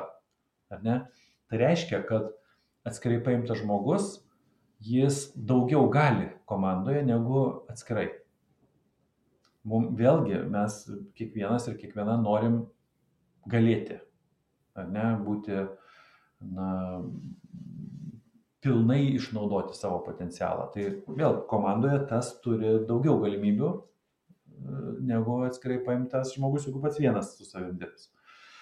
Komandoje kaip taisyklė būna mokymosi sąlygos. Jeigu komanda supranta mokymosi svarbą ar ne, tai kaip taisyklė mokymosi sąlygos būna geresnės, kur aš mokymosi turiu omeny ne tik tai formalų kažkokį mokymosi, bet vienas iš kito mokosi. Yra milijonai galimybių mokytis vienam iš kito. Tai tas toks tam tikras asmeninio progreso e, šansai yra didesni. Nes aš galų galę elementariai matau kitus žmonės, kurie e, kažką tai moka, aš galiu tiesiog stebėti, žiūrėti, galiu klausti ir, ir, ir įvairiausios galimybės yra mokymos. Mm. Ir gali komandai irgi labai svarbus aspektas, vėlgi žmonėms skirtingai to reikia, bet tas savęs suvokimas arba tapatinimasis su bendruomenė daugeliu žmonių yra e, prasmingas. Ne? Komanda yra tokia labai tam tampriais ryšiais susijusi bendruomenė. Ir būti dalimi yra vienas iš mūsų poreikių žmogiškųjų. Tai va tas buvimo dalimi realizavimas yra be galo svarbus dalykas. Elementariai psichologiniai sveikatai. Ne? Ir ne tik psichologiniai sveikatai, ten ir intelektiniam e, aspektam svarbu, bet tas priklausimo poreikis. Ne? O jeigu aš dar priklausau na, bendruomeniai, kuri turi aukštus idealus arba aukštesnį tikslą, tas labai prideda kokybės, tokios patiriamos gyvenimo kokybės. Ne, mes tarsi, tarsi turim daugiau šansų gyvenimo pilnatvį išgyventi. Nes ten turi būti visi elementai gyvenimo pilnatvėje. Aš turiu save realizuoti, aš noriu priklausyti, aš noriu turėti aukštesnį tiklą, noriu turėti santykius, noriu turėti bendravimą, ar ne, noriu, turėti, noriu kad būtų pasirūpinta mano na, fiz, fiziniais poreikiais, e, mano emociniais poreikiais, ar ne, mano intelektiniais poreikiais. Tai komandoje, geroje, stiproje komandoje, tai tie dalykai yra na, daug labiau garantuoti negu dirbant vienam. Nors niekas netrukdo susikurti e, savarankiškai, bet tas labai reikalauja ir, ir sakykime, savidisciplinos ir išmanimo labai daug.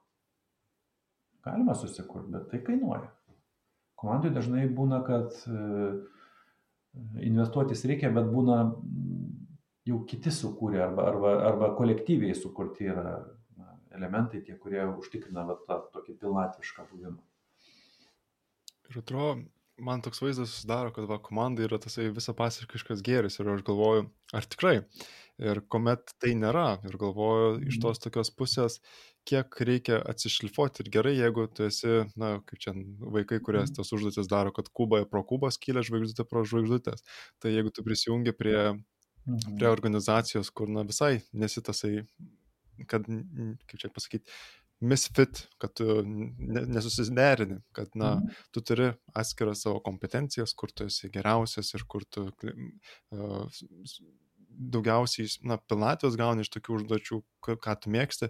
Tai aš įsivaizduoju, kad labai yra daug tokių iš organizacinių dalykų, kas tiesiog gali pilnai nesusiderinti. Ir, na, pavyzdžiui, tas pats lyderis, kuris galbūt yra visai disfunkcinis ir kenkia mikrovaldymo užsiema, tau tai nepatinka užsimti tavo veiklą, ar tai kultūra yra kažkokia ne ta, kurią tu įsivaizduoji, kad labiau yra e, skatinamas gėris ir Mhm. pasibuvimas kartu, ne profesinis tobulėjimas. Tai gali tas netitikti tikslas, kurio tu galbūt netaip pilnai įs, įs, įtiki ir yra tau tiek prasmingas. e, Mhm. Ir galvoju, patys žmonės, su kuriais bendradabiauti, yra daugelis tokių, man atrodo, išimčių, ar tai klausimų, ar tai pačių susiderinimų, kad na, nebūsi grinai ta žvaigždutė, pralendanti pro žvaigždutę skylę, kad vis tiek turėsi šiek tiek apsišlifuoti, ar tai nesutaps tam tikri dalykai ir turėsi susitaikyti. Ir aš galvoju iš tos tokios pusės, jo, jeigu pavyksta rasti tokią organizaciją, kuri pilnai patenkina visus poreikius, na, tie visi poreikiai tikrai gyvenime nepasitenkina, jie keičiasi ir organizacija keičiasi, tai čia kaip tu pristaikai ir augi, tai man toksai mintis kyla, kad, na, ką tu atrandi ir kaip kaip žinai, ko nori ir kaip tai pavyksta rasti išorinėje aplinkoje. Ir taip pat galvoju iš asmeninės pusės, kad jo, viską reikia susikurti ir turėti pačius žmonės, kurie tave įkvepia, su kuriais gali pabendrauti. Ir, ir čia tikrai reikia tų darbų ir su kaip freelanceriais aš matau kaip didesnį iššūkį, kad ir mokymai galbūt yra bus galimybė mokytis iš kitų, nes jeigu tu nuotoliniu darbu dirbi, tai tu susitiksi per susitikimus ir nebus pačio stebėjimo, kaip kiti atlieka, na, nebent tenais aiškiai susitarsi ar turės kažkokias bendras veiklas. Tai aš kažkaip matau tas ir komandoje augimo galimybės su tam tikrais, ne tai kad kabliukais, bet um, iššūkiais, su kuriais, na, turi žmogus, na, kaip integruotis į pačią komandą, kad padėtų jam aukti, nes gali būti, kad ta komanda jam tiesiog bus stagnacija, kad, na, laiko švaistimas vien dėl algos, toksai beprasmybė. Jo. Tai čia vėl aš girdžiu tam, tikrą dichotomiją, nes yra organizacija ir tai nėra tapatu komandai. Ne? Organizacija, taip, visi šitie dalykai yra tiesa apie absoliučią daugumą organizacijų. Ne? Kita vertus, kai mes sakom komanda, tai ta žmonių grupė tam tikrą kitą kokybę turi. Nuo savi organizacijos kokybę. Ne? Tai galvojant kainą buvimo komandoje, turbūt čia toks klausimas, ar ne? Tai taip, aišku, kad kaina yra. Bet vėl, atskirkim, tai buvimas organizacijoje yra viena, viena situacija, komanda yra tam tikras kokybės ženklas. Teisingai kur, kur disfunkcinės organizacijos mes niekaip komandą negalim pavadinti. Tai, tai yra, bet jeigu dabar kalbėsim apie tas gerasias organizacijas, gerasias komandų komandas, ar ne, tai aišku, kad turi savo kainą dalyvavimas komandai. Vis tik tai, reiškia, aš turiu dalį, nu, va čia jau tą mes kalbėjom, ar ne, kad e, prioritetas yra vis tik tai komandinio intereso prieš mano asmeninį interesą. Reiškia, iš vienos pusės, tai kartais tai reiškia, kad aš galbūt pasislink turiu kažkur tai, ne, gal, ar, ar galbūt, na, ne tai, kad prigesint savo ambicijas, bet vis tik tai taikytis prie kitų ir suprast, kad tas aukštesnis tikslas vertas mano prisitaikymo. Nes neišvengiamai mes gyvenime turim taikytis. Nėra situacijos, kad nereikėtų taikytis. Net jeigu vienas gyveni džiunglėse, vis tiek taikytis turi prie kažko tai. Ne? Neišvengiamai taikysis, nes tavo komanda yra medžiai žvėris ir lietus ir, ir visa kita. Ne, tai, tai nu, ne komanda, aišku. Tai, tai aišku, kad e, tam tikro derinimosi reikia ir, ir, ir reikės, be jokios abejonės. Kad, reiškia, kita kaina yra, kad buvimas komandoje reikalauja mano resurso tam tikro. Aš nu, privalau skirti dėmesio ir jėgų ir, ir, ir, ir tam tikrų vidinių ir galbūt net ir išorinių resursų komandiškumui puoselėti ir auginti. aš turiu investuoti, kad gaučiau gražą. Tai kita vertus, daugeliu atveju ta graža yra gerokai didesnė negu investicija, mano, ne? nes yra sinerginiai efektai. Ir klausimą tą labai reikėtų išsikelti kiekvienam žmogui, ar tikrai aš, ar tikrai man reikia būti komandoje. Pirmas klausimas, ar man tikrai reikia būti komandoje? Jeigu taip, tai kokioje tada? Ne? Nes jeigu netitinka mano, pavyzdžiui, vertybinė sistema arba aš nepritampu prie komandos, tai greičiausiai aš nesu tos komandos dalis. Kol kas. Ar ne, galim tai pridėti. Ir, ir tada svert reikia, aš čia noriu investuotis ar ne. Kaip pavyzdys. Ne? Įmanoma prisitaikyti, įmanoma turbūt, kaip sako, mešką gali išmokyti dviračių važiuoti. Bet važiuoja prastai ir meškai nelabai, nelabai gerai jaučiasi, ne? Ne visai natūralu, bet. tai taip, prisitaikyti galima, bet, bet mes kalbam vis tik tai, kad komanda kuo pasižymi, kad tai yra tam tikras vidinis rezonansas žmonių. Bet jie rezonuoja ne tik tarpusavėje, tai yra klubas, kai žmonės tarpusavėje rezonuoja. Ne, bet komanda rezonuoja dar ir su aukštesniu tikslu. Ir tada pagal mūsų prigimtį žmogiškąją, kai aš esu rezonansė su aukštesniu tikslu, aš kaip taisyklė patiriu džiaugsmą. Ir tada mano pastangos nėra našta. Ir mano investicija yra na, dar vienas džiaugsmo šaltinis, kai aš suprantu, kad prisidedu prie kažko labai svarbaus, vertingo ir didelio. Ne? Čia absoliučiai daugumai žmonių tai yra svarbu. Bet jeigu žmogus vis tik tai na, labiau savyje yra individas, kas sakė, kad kiekvienam žmogui reikia būti komandoje? Nu, nereikia. Yra puikių genijų, kurie yra patys savo komanda. Jiem reikia galbūt aptarnaujančio personalo, pavyzdžiui, genijui, kuris iš tikrųjų, ar net ne genijų, bet žmogus, kuris individas yra, kur, kur komanda nebūtina, tai reikia susikurti tam tikrą servicinę sistemą, kuri palaikytų to žmogaus, reiškia, resursą maksimaliai aukštam lygiui. Viskas. Ir čia mes ko gero turim va, tokių ir, ir meno atstovų, ir, ir mokslo atstovų, ar ne, kur tiesą sakant, nė, nėra komandos žmonės. Yra mokslininkai, aišku, kuo toliau, tuo sunkiau be, be mokslininkų nu, grupės bent jau kažką pasiekti rimtesnio, bet mene tai laisvai. Ne? Ir tada e, gal net jeigu yra, sakykime, kabutėse komanda, kuri dirba kartu su to menininku, tai nebūtinai yra komanda. Tai yra gal servicinis e, padalinys. Nu, fantastiška, jeigu fantastika, jeigu taip yra gerai, tai reiškia gerai. Tai nu, vėlgi nešventa karvė ta komanda yra. Nebūtinai reikia visiems jos. Ir čia, vat, man atrodo, toks išblaivinantis klausimas, mes visais lygiais galim klausti. Ateiname į organizaciją, sakom, na, tai ateikit mums pastiprinti komandiškumą. Tai pirmas klausimas, ar jums iš vis reikia komandos ar ne? ar jūsų užduotims pasiekti, jūsų tikslams įgyveninti, jūsų siekiams įgyveninti, reikia komandos ar užtenka darbo grupės? Nes jeigu užtenka darbo grupės, likit darbo grupėje. Tai yra komanda daug brangesnis e, mechanizmas negu darbo grupė. Tai yra brangu komandiškumą palaikyti, ugdyti ir taip toliau. Bet jeigu jums užtenka, kad yra profesionalų rinkinys, kurie pasiskirsto užduotimis, jas įgyvendina, o freelancerių galėtų būti darbo grupė. Fantastika. Jeigu to užtenka, tai džiaugitės gyvenimu. Tai nepermokėkit. Bet jeigu nepaveža darbo grupė, tada galvokim apie komandą.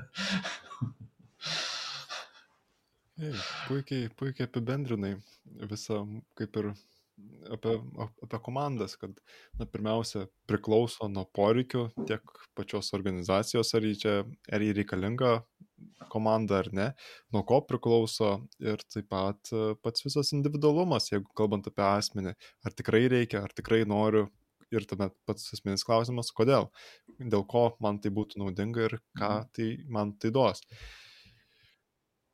Daug, daugelio daugelio atveju bendruomenės bendruomenė patenkina va tuos tokius interesus, reiškia, dalinimosi, išklausimo, būti išklausytų ar net ten kažkokio paskatimo, daugeliu atveju tiesiog bendruomenė, bendraminčio tą funkciją gali gyvendinti.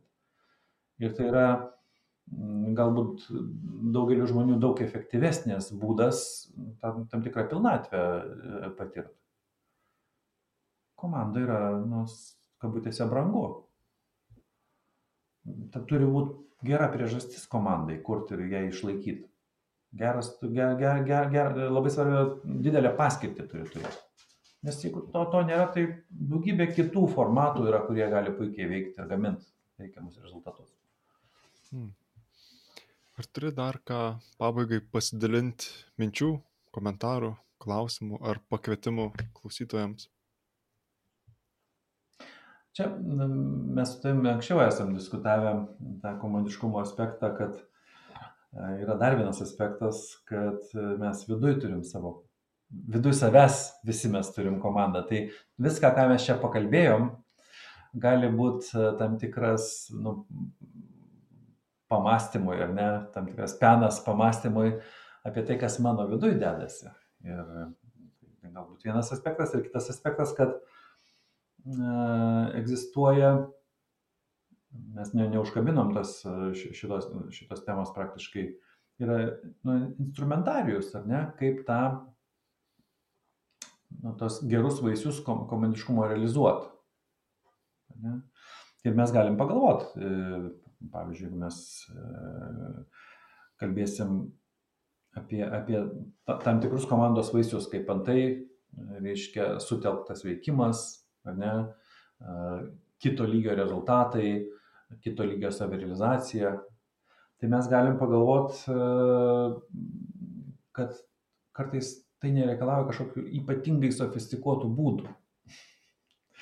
Gal tiesiog samoningumo, kaip mano viena kolegė sako, sąmoninga pauzė galbūt yra pakankamas dalykas susirinkimo pradžioje, padaryti sąmoningą pauzę kad mes e, kolegos pagalvokim, ko čia susirinkom ir pasirinkim tinkamiausią nusiteikimą. Ir tai gali gerokai padidinti komandiškumo dozę šitam pokalbį. Tiesiog turėti 5 sekundžių pauzę su mikro aptarimu, užtruksim 2 minutės reikalų ir, ne, ir mes jau komandiškumo laipsnį galim padidinti paprastais būdais. Ne, net nebūtinai tai turi būti e, individualūs būdai, gali būti va, tokie gali būti kažkokios tai tradicijos, kažkokie ritualai, kurie mums padeda būti tam, tam, tam tikram laukia, kuris, e, reiškia, mums leidžia na, ragauti ir džiaugtis vaisiais komandiškumo. Tai toks ir palinkėjimas būtų, žiūrėkim kūrybiškai, ne? supraskim, kad kai ką mes vadinam komandos bruožais, iš tikrųjų tai yra kompetencijos. Iš vienos pusės bruožas, iš kitos pusės, kad tas bruožas būtų bruožu, jisai turi būti gyvendintas reiškia su kiekvienu bruožu yra kompetencija. Ir mes galim labai susipaprastinti gyvenimą, kai galvosim apie na, komandą ir jos bruožus kaip apie kompetencijų, na, tokį darnų rinkinį. Mes galim surasti paprastų būdų, kaip geriau išbūti kartu. Galim surasti paprastų arba netokių paprastų, bet tinkamų būdų, kaip mums susikalbėti. Lygiai taip pat, ne, kaip susikalbėti. Vieną mikrofono principą pritaikykime ir ten dar kažką. Kaip mums, iš, suraskim būdų, kaip mums išgirsti vienas kitą. Nu tai iš, išmokim paklausti e, klausimą patikslinantį ir klausti, ar teisingai tave supratau, kad paprasti dalykai, ar ne, kurie staiga, jeigu juos mes pradedam taikyti e, net epizodiškai, o jeigu taikom metodiškai, staiga to komandiškumo pas mus atsiranda vis daugiau. Nes tai nėra, kad įjungiam arba išjungiam komandą. Yra laipsnis visada. Ar ne, mes galim įsivaizduoti, kad yra, yra kažkokia termometro skalė, ar ne, ir nuo, nuo nulio absoliutaus, kur net nekvėpia komanda, vis daugėja, daugėja komandiškumo, kol jau ten e, virimo taškas, reiškia, jau ten komanda ošia pilnai. Tai mes galim galvoti, kad e, komandiškumas realizuojamas per tam tikras kompetencijas mūsų e, nu, bendras. Ir mes galim tiesiog sau ramiai po vieną kitą elementą įsidėkti ir turėti daugiau komandiškumo, jeigu tai turi prasme. Tai mano toks palinkėjimas, žinot, samoningumo ir tokio lengvumo prieime. Mes galim žingsnis po žingsnio, paprastas metodas paprastą metodą. Gal mes galim susigalvoti tradiciją, kuri taps mūsų ten susitikimo ar pokalbių elementu, kaip antai, vieną komandą pacituosiu, sugalvoju ir tas labai padėjo jiem komandiškumo dvasę pakelti ir komandiškumo lygį. Pokalbio pradžioje kiekvienas įvardina, garsiai pasako, tai dabar su kokia gal, galva atėjo. Ne? Aš šiandien esu, e, nežinau, susirūpinęs darbuotojas, aš labai rūpešius legiamas darbuotojas. Kitas sako, aš esu laimės ištiktas, reiškia, vizionierius. Tvarkoj, visi, visi, visi žino, su kuo kalbasi šiandien. Ir tai sudaro pagrindą geram susikalbėjimui arba geresniam. Toks mano palinkėjimas. Samoningumo, lengvumo ir nu, tokia kūrybiškai prieikiam su, su, su tokia šiek tiek žaismingumu, nes komanda turi dar savo žaidimus. Irgi vien ne, nepaminėjom šiandien, bet vienas iš komandos bruožų ten žmonės na, žaidžia savus uh, linksmus žaidimus. Geras. Ypač tasai labai patiko to pavyzdys, kad, na, įsivardinsiu, kiek galvo atinu į susitikimą, tai čia, man atrodo, komandiško, na, tiesiog jau laikui bėgant ir tai tradicijai ar tai įpročiai platojantis, tai tikrai gali prisijungti, susigalvojant visokiausių istorijų. Tikrai taip. Ir tai yra komandiškumo išraiška, ne? Būti, pe, nu, va, to transparent, būti nu, skaidriu. Aš neslėpiu savo dabartinio nu, identiteto, su kuriuo aš dalyvauju aš kaip tik jį atskleidžiu. Ir tai yra komandiškumo, tai yra pagrindas pasitikėjimo įstiprinti. Nes tada nieko pastalų nėra, nieko paslėpto nėra. Ir jeigu kartais mano galva pasikeitė per vidurį susirinkimą, sakau, žinai, dabar aš jau nebe tas susirūpinęs, aš jau išsprendžiau dalyką, dabar aš jau esu ten kažkas kitas. Fain, malonu susipažinti, prisijung. Geras. Tai kad nebūtų taip, kad mitinė, nebeatsimenu, kokią ten mitinę pabaisą turi, tenais begalį galvų ir tenais troliai, netroliai, man atrodo, iš graikų legendų. Ten buvo šitą hidrą, man atrodo, daug galvų. Ir, ir... Bet ten pabaisa, bet yra ten tos mitinės būtybės, kai vienas kūnas ir ten daugelio galvų, ir tenais, man atrodo, kino legendos turi tenais keturis veidus, kur tenais sukinėjasi aplinkui ir ten piktis, liūdėsys panašiai. Na, žodžiu, kad na, čia galima ir, man atrodo, prisigalvoti visokiausių mitinių būtybių. Tai gali būti komandos metodas, nu kodėlgi ne, ne? Mes kalbam, kad vis tik tai komanda reikalauja, na, komandiškumo gyvenimas reikalauja kompetencijų. Ir tai gali būti viena iš Nesakau, kad visi taip turi daryti, bet tai yra nu, kai kurie pavyzdžiai, kaip galima kai kuriuos e, komandinius va, tuos e, įgūdžius demonstruoti ir, ir įgyvendinti. Dar trumpai praplėtojant vidinės komandos mintį, kad to, tos pačios kompetencijos irgi galioja susitart, išgirsti save, veikti. Mhm. Tai irgi tomis pasirūpinti, ypač tie, na, čia, jeigu ir organizacijoje, ar tai su tikrąją žodžio prasme komanda, kur yra žmonių grupė dirbi, bet ir kaip ir pats vienas galioja, kad, na, pirmiausia, išgirsti savo poreikius, susitarti su jais, ar tai socialiniai būtų, ar tai prasmės poreikiai, ar tiesiog darimo kažkokie, ar tai, net įsivaizduoju, kokie, kokie dar gali poreikiai tokie būti, kurie, kuriame reikia susitikti. Kaučingo sesijose, nu, netaip retai susiduriu su tokiais dalykais, kai žmogus bando susitvarkyti savo vidų ar ne, ir bando atpažinti savo na, tam tikrus asmenybinius aspektus, kurie kartais konfliktuoja, kartais sutarė vienas su kitu. Ir ten kai kuriais atvejais ir būna iš, iš tiesų, kaip man iš vidinio turgaus padaryti vidinę komandą. Ir ieško būdų ir, ten atsiranda įvairių dalykų, kaž, kažkuri tai asmenybės, kažkuris aspektas tampa lyderiu, kuris ten uh, padeda susireguliuoti. Įsiklausimui save, sustojimo elementai atsiranda, pripažinimo, kad aš turiu ir tokį poreikį, ne, ir tarsi mano asmenybės aspektas yra, aš jį galbūt neigiau daug metų, bet jisai ten egzistuoja ir aš jį dabar pripažįstu. Tai tokie, nu, gal čia ne visai apie tas pats, kas apie komandos coachingą, bet iš esmės panašumo turi. Nes mūsų tie aspektai įvairiausių mes ten turim įdomybių prisikūrę per gyvenimą. Uh, Ir kartais tie patys principai gali padėti nu, tam, tam tikrą darną viduj atrast, padidinti, sustiprinti. Ir čia grįžtam prie samoningumo. Samoningumo. Samoningumas. Ir, ir žinai, tas, vat, jeigu dar, dar tokį paskutinį arba prieš paskutinį taš, taškelį padėti, tai grįžtame prie klausimo, tai kuo rūpinasi iš tikrųjų komandos, pavyzdžiui, coachingo speciali komandos, coachingo partneris, kuris ateina dirbti su komanda. Tai aš net į vieną savoką galėčiau apjungti tuos du aspektus, kur minėjau, kad reiškia produktyvumo augimas ir komandos augimas. Kažkokią prasme galima turbūt pasakyti, kad rūpinasi komandiniu intelektu arba komandiniu protu, kuris ir generuoja viską. Ne, jeigu mes apjungtume, tai e, komandų coachingo specialistas, kai dirba su komanda, iš tiesų, kuo taip apibendrinti rūpinasi, tai kad auktų komandinis intelektas.